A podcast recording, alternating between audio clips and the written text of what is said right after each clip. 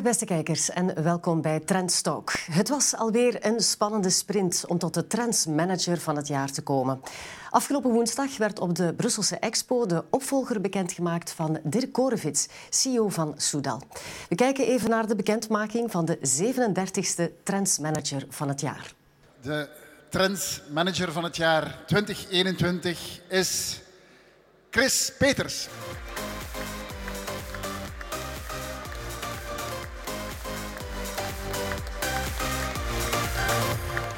En in de studio de trendsmanager van het jaar en ook eh, CEO van eh, Elia. Van harte gefeliciteerd, eh, Chris Peters. Dank u wel. Wat betekent deze prijs voor u? Ja, het is toch wel belangrijk, denk ik, is de erkenning van het bedrijf. Het bedrijf heeft een heel mooi traject afgelegd. We zijn van een lokaal bedrijf van transformatoren en pilonen en kabels zijn we eigenlijk een internationaal bedrijf geworden op zeer korte tijd heel veel bezig met digitalisering, heel veel bezig met de transitie. En dat is toch wel een mooie erkenning. Niet alleen voor mij, ik ben de drager van de prijs natuurlijk, maar uiteindelijk is het voor het hele personeel. En ik ben ook wel trots dat we hem in ontvangst hebben mogen nemen.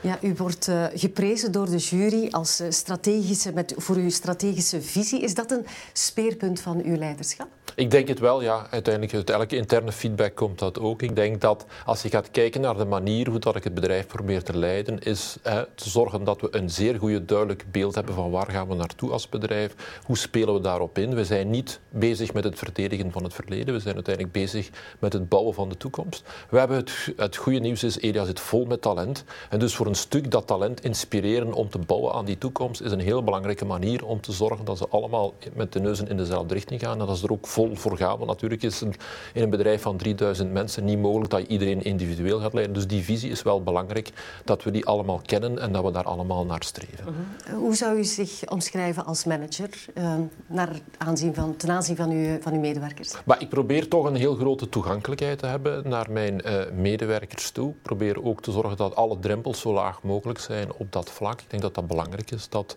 uh, niet alleen voor mij, maar ook voor mijn collega's binnen het directiecomité, dat die toegankelijkheid voor de medewerkers zeer belangrijk is. Proberen ook altijd in dialoog te zijn. Dat is niet makkelijk met mij. Ik ben iemand met een uitgesproken mening over een aantal dingen. Maar we gaan toch altijd in dat gesprek gaan toch altijd zorgen dat we samen naar dezelfde conclusies komen. En dat we binnen die dialoog dan kijken van kijk, en wat betekent dat nu? Waar gaan we de focus op gaan leggen?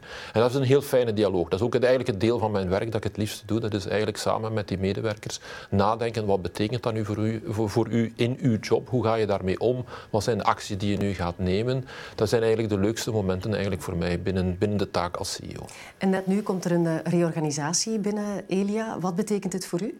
Maar voor mij zorgt het ervoor dat ik een stuk meer kan tijd vrijmaken om naar het internationale aspect te kijken. Dus tot nog toe combineerde ik zowel de, uh, de, de, job van uh, CEO België te zijn als CEO van de groep te zijn. De groep is eigenlijk enorm geëxpandeerd op het internationale vlak. We hebben net ook een nieuw bedrijf opgericht dat zich volledig gaat richten op offshore wind, de infrastructuur voor offshore wind internationaal, zowel in de US als in Europa. Digitalisering zijn heel belangrijke elementen waar ik toch zeer veel tijd moet beginnen in te steken. En daarnaast was ik eigenlijk nog op Belgisch niveau CEO van alles. Dat wil zeggen dat ik eigenlijk nog bezig was met ja, dagdagelijkse problemen die we hadden ergens op het terrein waar mensen mee bezig waren. En daarvoor is al iemand aangesteld? Ja, er is iemand voor aangesteld. Iemand die dus eigenlijk ook zelfs een tijdje dat terreinwerk gedaan heeft, nu verantwoordelijk is voor onze klantenrelaties, voor marktwerking en voor systeem. En die dan een promotie maakt richting uh, verantwoordelijk zijn voor heel België. Maar ik zal hem nog een hele tijd blijven begeleiden voor de kritische dossiers. Zoals u weet, de kernuitstap is nog altijd daar. Er zijn nog altijd belangrijke discussies met de regulator die we nog altijd gaan doen. En de grote projecten, Ventilus, ja. Boucle du Hainaut, het eiland op zee, zijn projecten die ik zal blijven van nabij volgen. Ze zijn nog niet van mij af in België. Allemaal thema's die we proberen toch in dit half uur te bespreken. Maar u zei net al, die internationale groei van Is, uh, is belangrijk. Daar zal ik mij uh, de komende jaren voornamelijk uh, op, op inzetten.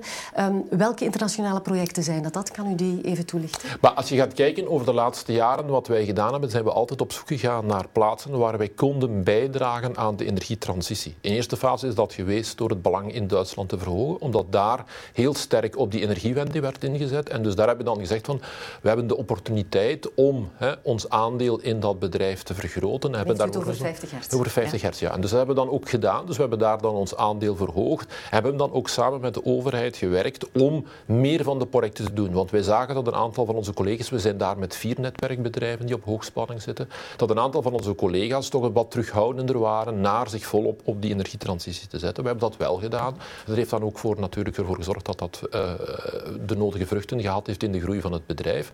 Merendeel van de groei vandaag komt uit Duitsland. Daarnaast zijn we ook een stuk verder internationaal gegaan. Je hebt een aantal van de grote interconnectoren in de Baltische Zee, in de Noordzee. Maar we zijn ook aan het kijken in het Midden-Oosten, in Zuidoost-Azië. We gaan binnenkort dan met het nieuwe bedrijf richting Verenigde Staten. Dus ja, een belangrijke expansie. De energietransitie is nu aan het gebeuren. En is natuurlijk nu dat een bedrijf met zoveel talent, dat zoveel ervaring ook heeft om dit te doen, dat dat nu dat talent ook valoriseert op de internationale markt. Er zal de komende vijf jaar ook 9,6 miljard geïnvesteerd worden. Naar welke projecten zal dat gaan? Maar in België gaat dat over eh, in totaal 4 miljard. Het andere deel zit in, in, Duitsland, 5,6 miljard in Duitsland. Er zijn een aantal projecten die al gekend zijn. Als je dus de Belgische markt gaat kijken, is dat in Boucle du Ventilus, uh, het eiland en uh, een stuk gaat naar de interconnectoren, alhoewel die interconnectoren nog wat later op het tijdschema zitten.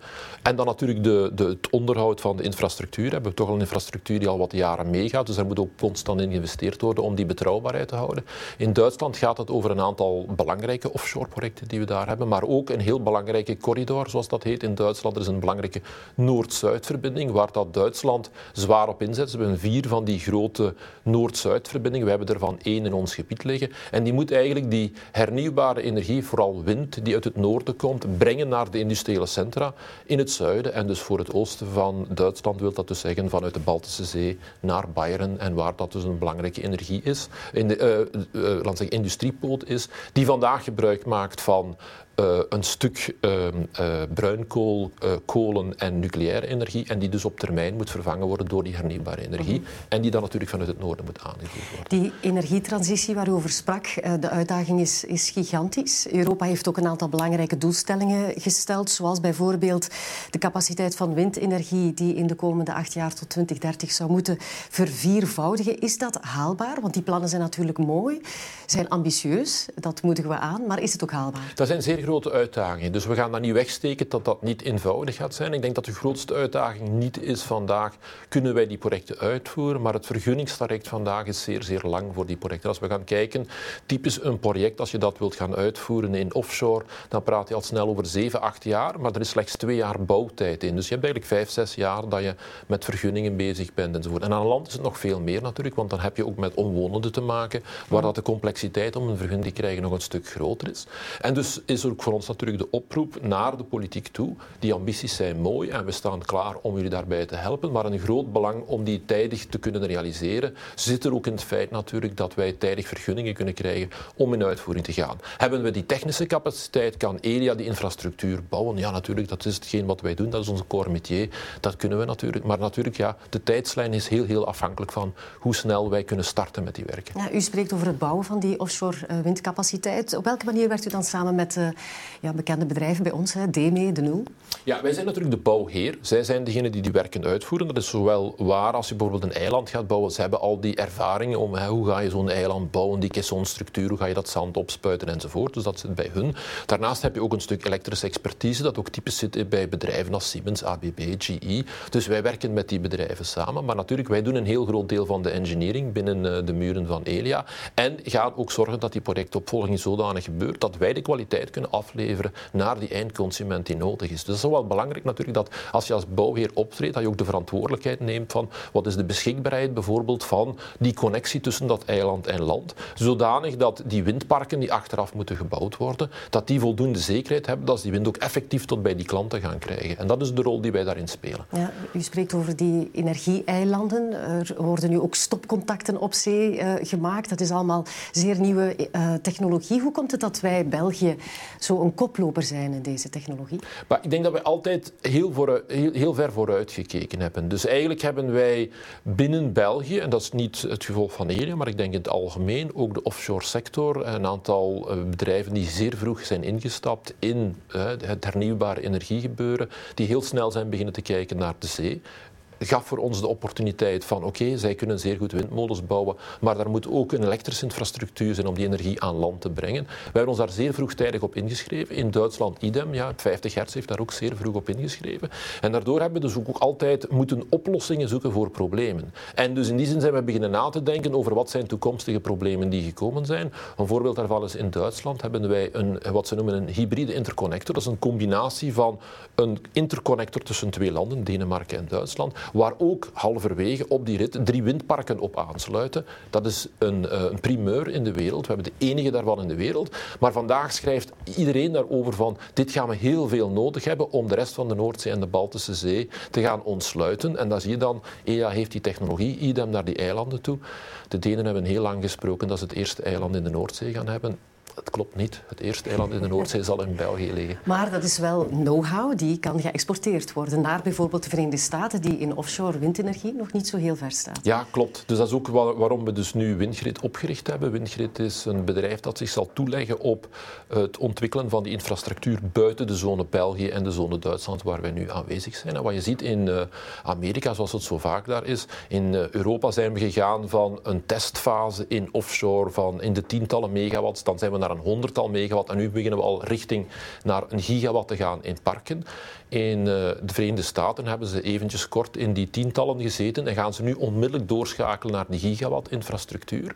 Maar ze hebben eigenlijk ondertussen ook geen structuur aan land die klaar is om dat, te ontvangen. En opnieuw, daar heeft Elia zeer veel expertise in opgebouwd. Dat is ook iets wat wij vandaag al uitdragen naar het Midden-Oosten, naar Zuidoost-Azië. En voor die parken, die zeggen van ik wil wel graag dat park bouwen, maar kan ik eigenlijk zoveel energie injecteren op het onshore grid? Hoe moet ik dat doen?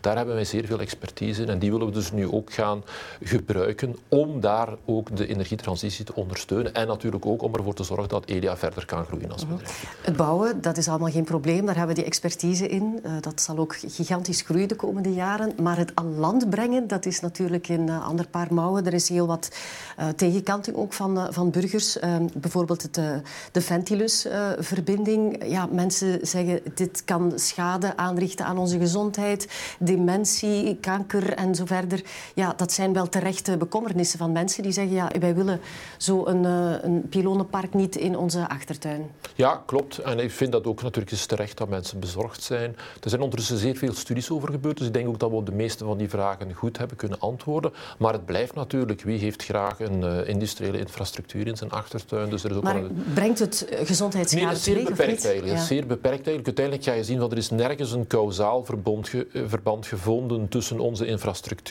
en bepaalde ziektebeelden. Natuurlijk, ja, als je googelt vind je van alles terug en er bestaan allerlei. Maar ik wil zeggen, als je gaat kijken naar de echte academische ernstige studies, is er wel een correlatie gevonden tussen kinderleukemie en uh, de, de, straling die zou potentieel komen van installaties, waaronder de onze, hè, maar ook andere installaties.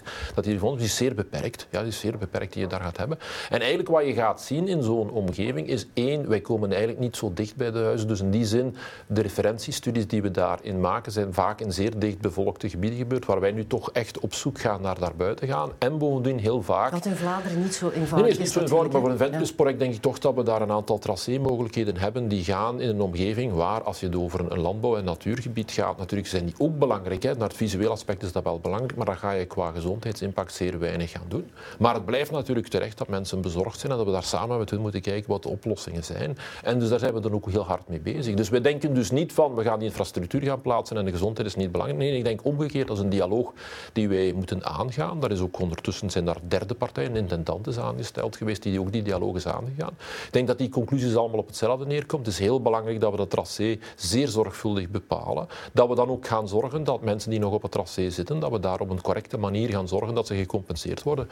eventueel een compensatie als ze in de buurt wonen voor de visuele aspecten, maar ook een compensatie als er een onteigening nodig is voor iemand die echt onder die infrastructuur gaat wonen. Dus daar, daar, zijn, daar, daar zijn wel een aantal mogelijkheden die we hebben. Natuurlijk, eerst moet de politiek de knoop doorhaken dat wij tot dat punt kunnen geraken. En natuurlijk, daar is natuurlijk het hele politieke spel, waar dat vandaag we nog in de fase zijn, waar iedereen probeert een beetje hè, die, die, die verantwoordelijkheid uh, af te wachten en te kijken van, gaat er een punt komen dat iedereen uh, daarover akkoord is. Maar het is zoals als je een hogesnelheidslijn aanlegt om uh, korte, korte vluchten te vervangen. Dat is een infrastructuur die maatschappelijk zeer belangrijk is. Maar degene die ergens op het midden van die infrastructuur die trein ziet passeren, die zal niet blij zijn. En daar zal je natuurlijk dan moeten zorgen dat je daar gerichte maatregelen hebt, zodanig dat die mensen ook correct gecompenseerd worden. En ik denk dat daar toch ook een belangrijke taak is voor de overheid, maar ook voor ons, dat we daar voldoende communicatie rond hebben. Maar niet alleen voldoende communicatie, ook voldoende actie, dat we mensen compenseren voor de gevolgen die ze hebben voor maatschappelijk zeer relevante projecten. Nu, een oplossing die zij voorstellen is, steek de kabels onder de grond. Ja, ik, ik, snap, ik snap dat dat uh, uh, een, een, een potentiële oplossing is in het hoofd van de mensen, maar eigenlijk is dat geen echte oplossing. Als je gaat kijken wat de energietransitie van ons gaat vergen, als je ziet wat dat betekent naar verder hernieuwbare energie die we gaan integreren, als dat, wat dat betekent naar een sterk netwerk te hebben, dan zie je qua uitbating dat dat eigenlijk geen oplossing is. Dat is een oplossing waarmee je zeer tijdelijk misschien één of twee van de windparken op zee kan gaan afvoeren, maar is geen structurele oplossing voor de hele energietransitie te ondersteunen. Dus dan gaan we toch een zeer robuuste infrastructuur nodig hebben. En dan zien we ook internationaal dat daar iedereen met hoogspanningslijnen bovengronds werkt, omdat dat eigenlijk de enige technische uh, oplossing is die die robuustheid haalt, die zorgt dat je die betrouwbaarheid haalt en die zorgt dat je ook die volumes van hernieuwbare energie tot bij de consument kunt, kunt krijgen. En dus moeten we toch proberen een oplossing in die richting te gaan zoeken, wat ook eigenlijk uit alle, uit alle rapporten komt van van de onafhankelijke experten. Is dat de trade-off waarmee we te maken hebben? We weten dat we door die uh, energietransitie heen moeten. We willen ook heel graag onafhankelijk zijn van uh, buitenlandse uh, toeleveranciers van Russisch gas bijvoorbeeld, of van olie vanuit het Midden-Oosten, dat toch ook met bepaalde risico's is verbonden. Dat zien we nu maar al te goed. Ehm, dat we dan dit er maar bij moeten pakken? Ja, maar ik zou het niet noemen er maar bij moeten pakken. Dat we hiermee moeten omgaan. Dat is een feit. Ja, ik denk van, het is niet van, we gaan een aantal mensen het, daarvoor gaan slachtofferen. We moeten daar correct mee omgaan. Maar we moeten er wel mee omgaan. Ja, ik het denk... bouwen van meer windmolens, waar we ook uh, naartoe moeten gaan. Het, er is enorm veel burgerprotest ook. Ja, effectief. En dat zien we in alle landen. Dat zien we ook in Duitsland, in de markt waar we daar aanwezig zijn. En ik denk dat daar een belangrijke taak is, niet alleen voor Elia, want wij zijn uiteindelijk maar uitvoerder van energiepolitiek, maar ook voor de politiek, om samen die dialoog aan te gaan. De energietransitie, wat zijn de voordelen die dat brengt. Waarom is dat belangrijk? Net zoals als je zegt van als je een hoge snelheidslijn gaat aanleggen tussen Brussel en Parijs, dat is zeer, zeer maatschappelijk relevant voor die twee landen. Maar je moet maar eens ergens uh, in, uh, in Henegouwen, waar dat die trein passeert, waar geen station is. Je bent niet dichter bij Parijs of Brussel gekomen door die infrastructuur die er komt. Van de andere kant is die wel van fundamenteel belang, zowel naar het reduceren van die korte afstandsvluchten, als naar het versterken van de economische band tussen die twee landen. En dat evenwicht dan met die omwonenden versus dat algehele maatschappelijk belang moeten we, moeten we naar op zoek gaan, samen met de politiek. En dat is een heel belangrijke uitdaging, maar we zullen die moeten aangaan. Wel, Elia is een bijzonder bedrijf, want jullie hebben te maken met heel veel verschillende, uh, diverse stakeholders. Er is de politiek, er, zijn, uh, er is de regering, je hebt de burgers, de energieregulator KREG. Uh, er zijn de aandeelhouders uiteraard, niet onbelangrijk. Misschien even kijken meteen naar de koers van, van Elia, hoe dat jullie het gedaan hebben in de voorbije jaren. De, het is een grafiek van de voorbije vijf jaar. Uh, aandeel is gestegen uh, maal 2,5 in die vijf jaar. In de, in, sinds begin dit jaar 12% gestegen in een dalende markttrend. Dus dat zijn allemaal hele goede prestaties. Um, nog even verder gaan op die beurskoers. Bent u de CEO die op het einde van de beursdag toch even kijkt hoe Elia gepresteerd heeft? Eigenlijk niet, nee. Eigenlijk ben ik daar heel weinig mee bezig af en toe kijk je er natuurlijk naar en dan denk ik toch van, we hebben toch wel een mooi traject afgelegd, maar eigenlijk zijn wij vooral bezig met die maatschappelijke oplossingen te zoeken voor de uitdagingen van de energietransitie. Ja, ook rond een aantal andere thema's zijn wij bezig. Wij proberen elke dag een goede job te doen en dan kijk je af en toe en zeg je van, oké, het is... Maar het is niet zo dat wij beurskoers elke dag aan het volgen zijn of dat we op beurskoers sturen. En vind ik ook het mooie aan de job eigenlijk. Ik ben nu een, eh, een goede zes jaar dat ik in, in, in, in functie ben en ik heb eigenlijk zeer weinig tijd gestoken op die beurskoers zelf. Af en toe moet je een keer met analisten praten en dan komt dat natuurlijk aan bod. Maar dat zijn eigenlijk beperkte delen van mijn, van mijn. Mijn tijdsbesteding gaat echt om met de medewerkers, met de stakeholders samen te kijken hoe komen we naar goede oplossingen. En dat is dan mooi dat je dan kan zien, als je dat elke dag doet, als je met hart en ziel je inzet voor hè, de, de visie van het bedrijf, voor de, de doelstellingen die het bedrijf, voor de maatschappelijke relevantie die het bedrijf heeft, dat dat ook hè, op de beurskoers zich vertaalt. Dus dat, wel, dat vind ik eigenlijk, eigenlijk wel een heel, heel mooi verhaal. Dat had ik altijd gedroomd in mijn in mijn vorig leven, toen ik nog niet in, in zo'n functie zat, dacht ik altijd van dat zou toch mooi zijn als je iets maatschappelijk relevant kan doen en daar ook dan de erkenning voor krijgt via de aandeelhouders, via de prijs die we nu gehaald hebben. En het is wel mooi dat we dat dan ook effectief halen. Nu, beleggers zien uh, het aandeel van Eni als een goed huisvaderaandeel, dus dat is, uh, dat is mooi. Maar uh, we zitten met de politiek en zo verder, maar ook de KREG, de energieregulator, die onlangs in februari nog zeer kritisch was over een studie die jullie, jullie hebben gemaakt, waarin dat een onderschatting van het aantal gascentrales zou, zou staan. Dat heeft wel tot een serieuze confrontatie geleid. En ook wel een vertrouwensbreuk naar, naar de burger toe. Van wie moeten we nu geloven? Ja, nee, ik snap wel, dat is niet fijn. En we hebben ook uh, vaak daar gesprekken over gehad. Ik denk niet dat de discussie die wij moeten hebben over bepaalde techniciteiten, dat die publiek zouden moeten gevoerd worden. Ik vind dat dan altijd jammer, want er zijn eh, heel veel interacties met de regulator. We hebben ook op een heel aantal vlakken zeer goede samenwerking met hun. En dus het is natuurlijk zo, als je over zeer complexe materie bezig bent, met zeer technische mensen, dat je vaak bezig bent van, van wat zijn de juiste hypotheses, waarom moeten die hypotheses genomen worden, enzovoort. En dat is bij elk van de studies die wij maken. Ik heb een team van meer dan twintig mensen die alleen maar met bevoorradingszekerheid bezig zijn, fulltime. Dus ik wil zeggen, van, we hebben wel echt heel veel expertise op dat vlak. En we zijn ook open voor feedback. Je ziet dat in elk rapport worden hè, verbeteringen maar hoe kan dat dan komen tot zo'n openlijke clash? Maar ik denk dat dat een beetje te maken heeft met het feit dat daar op dat ogenblik ja, een, een, een, een combinatie geweest is van een aantal feiten. Ja, ze hebben zelf ook gezegd van kijk, dat was een vroegtijdige publicatie terwijl we nog in discussie waren rond een aantal thema's. Ja, ik denk dat ze binnenkort waarschijnlijk wel nu, hè, we hebben op die vragen geantwoord. Ik hoop dat dat voldoet. Ik, uh, we hebben nog geen antwoord van hun terug ontvangen, maar als het niet is, zullen we ook opnieuw daarop gaan reageren. Gaan zorgen dat zij, ik denk dat vooral de vraag daar kwam voor een stuk vanuit een, een wij kunnen het niet inschatten en, en gezien wij het niet kunnen inschatten op basis van de informatie die we hebben, zou het wel eens het risico kunnen lopen van dit als impact te hebben. Ik denk dat als we nu de informatie gezien hebben, dat we dan wel zien dat de standpunten wel wat dichter bij elkaar gaan komen. Dus, en ik, ik vind dat ook normaal, dat is ook gezond. Ja, we zijn uiteindelijk een bedrijf dat naast de activiteiten die we hebben, deze openbare dienstverplichting heeft. Want mensen begrijpen dat vaak niet. Mensen denken van er is een verwarring, een beursgenoteerd bedrijf, dat daar eigenlijk allerlei advies moet gaan. Dat is waarschijnlijk in hun eigen belang. Die twee zijn eigenlijk heel strikt gescheiden. Dus eigenlijk het feit van of België nu, want dit is in het kader van hoe begeleid je de nucleaire volledige of gedeeltelijke kernuitstap, dus hoe, hoe begeleid je dat? Wij moeten zorgen dat het licht aanblijft. Wij kunnen zelf geen productiemiddelen hebben. Dus wij moeten aan de overheid zeggen van dit is wat er nodig is. Creëer het kader dat de nodige capaciteit in die markt aanwezig is. Dat is eigenlijk, hè, bij wet zijn wij verplicht van daar rapporten over af te leveren. En de regulator moet controleren of wij daar op een correcte manier die, uh, die, die, die, die, die analyse gemaakt hebben en of de cijfers die wij daar aan de overheid voorleggen, of dat de juiste is. En vaak is dat dus ook zo dat wij daar een aantal dingen geven en dat de regulator daarnaast zegt van op een aantal hypotheses zijn gevoeligheden waar ook de overheid van moet op de hoogte zijn en het finaal zal de overheid moeten beslissen. Bijvoorbeeld over wat het niveau van bevoorradingszekerheid, voor welk scenario moet dit land klaar zijn. Ja, vandaag heb je bijvoorbeeld van hebben de problemen in Oekraïne. We hebben vandaag de problemen met de beschikbaarheid van de capaciteit, eh, nucleaire capaciteit in Frankrijk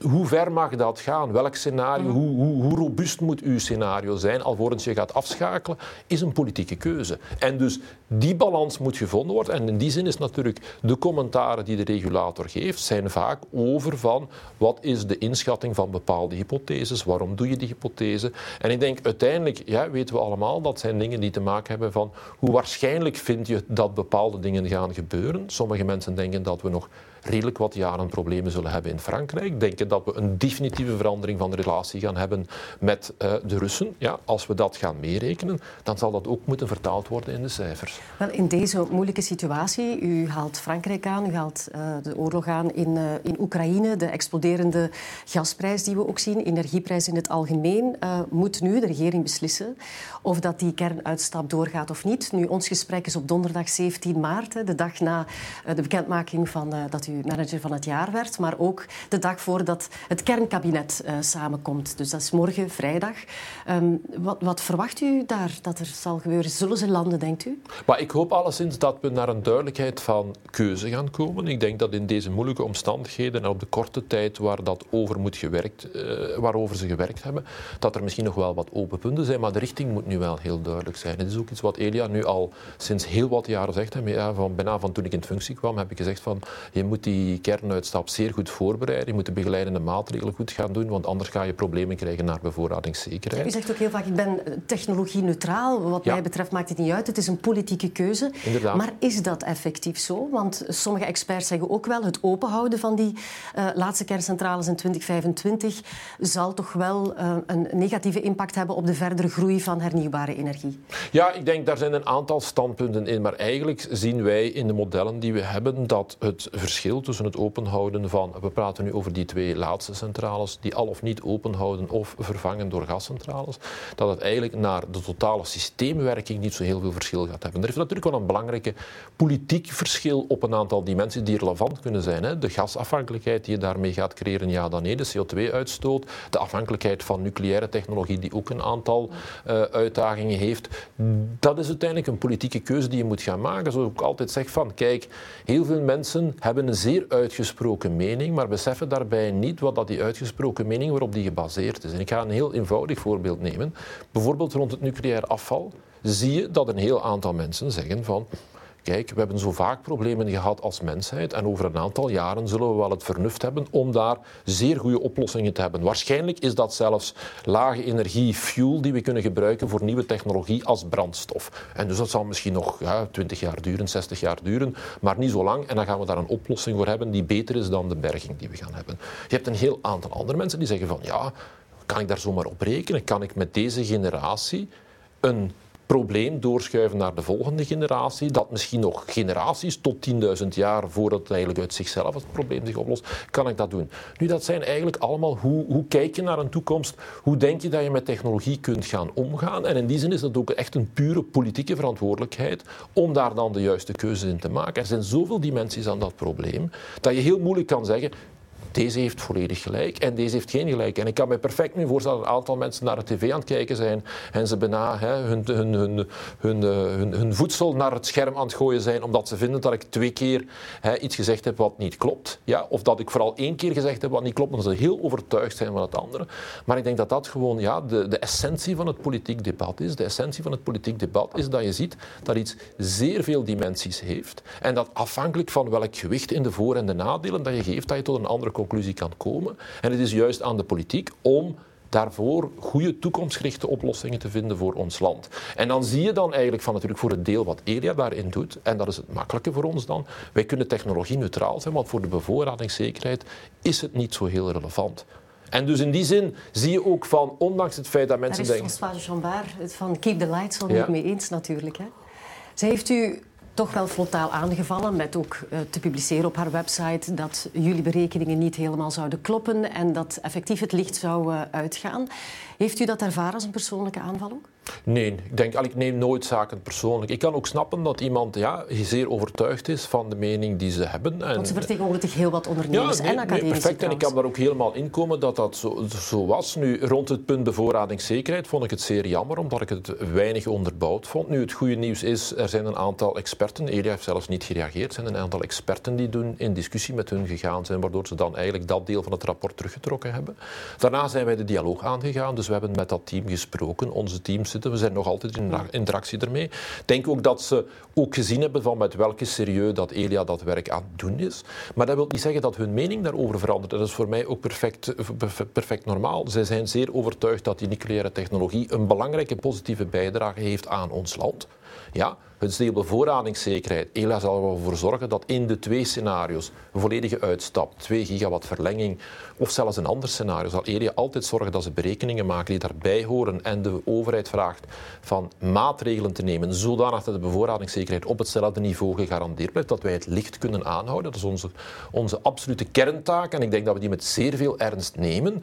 En dan denk ik ook dat mensen die willen bijdragen aan dat politieke debat, omdat ze daar sterke meningen hebben, ik vind dat alleen maar goed, dat we dat debat voeren. Maar het is wel belangrijk dat we het ook afsluiten op zeker ogenblik. Op zeker ogenblik moet je de keuze kunnen maken en moet je ook als land kunnen zeggen, de keuze is nu gemaakt en we zetten ons er allemaal achter. Want een van de problemen die we vandaag hebben is die onzekerheid zorgt ook dat het investeringsklimaat in de beide gevallen, we zien Angie die zegt, ben ik nog wel zo geïnteresseerd om die kerncentrales te verlengen. Je ziet aan de kant van gascentrale investeerders die zeggen, ja maar als jullie niet zeker zijn, als ik dan investeer in een vervangcapaciteit en achteraf komt er dan terug iets bij. Of hè, jullie beslissen een beetje later iets anders. Ik heb daar wel enkele honderden miljoenen in gestoken. Is mijn business case nog, nog, nog valabel op dat ogenblik? Dus dat weegt ook wel op het klimaat, waarin dat we nu toch op vrij grote snelheid naar een aantal oplossingen moeten gaan. Daarom dat ik ook zeg van ik hoop dat morgen de regering tot een conclusie komt. En dat ook als daar nog een aantal open eindjes aan zijn, dat is normaal in een dergelijk complexe conclusie, maar dat iedereen wel in dezelfde richting begint te werken. Dat we daar een oplossing hebben waar we zeggen van kijk, we gaan nu op deze manier proberen de zaak op te lossen. Daar zijn misschien nog een aantal kleine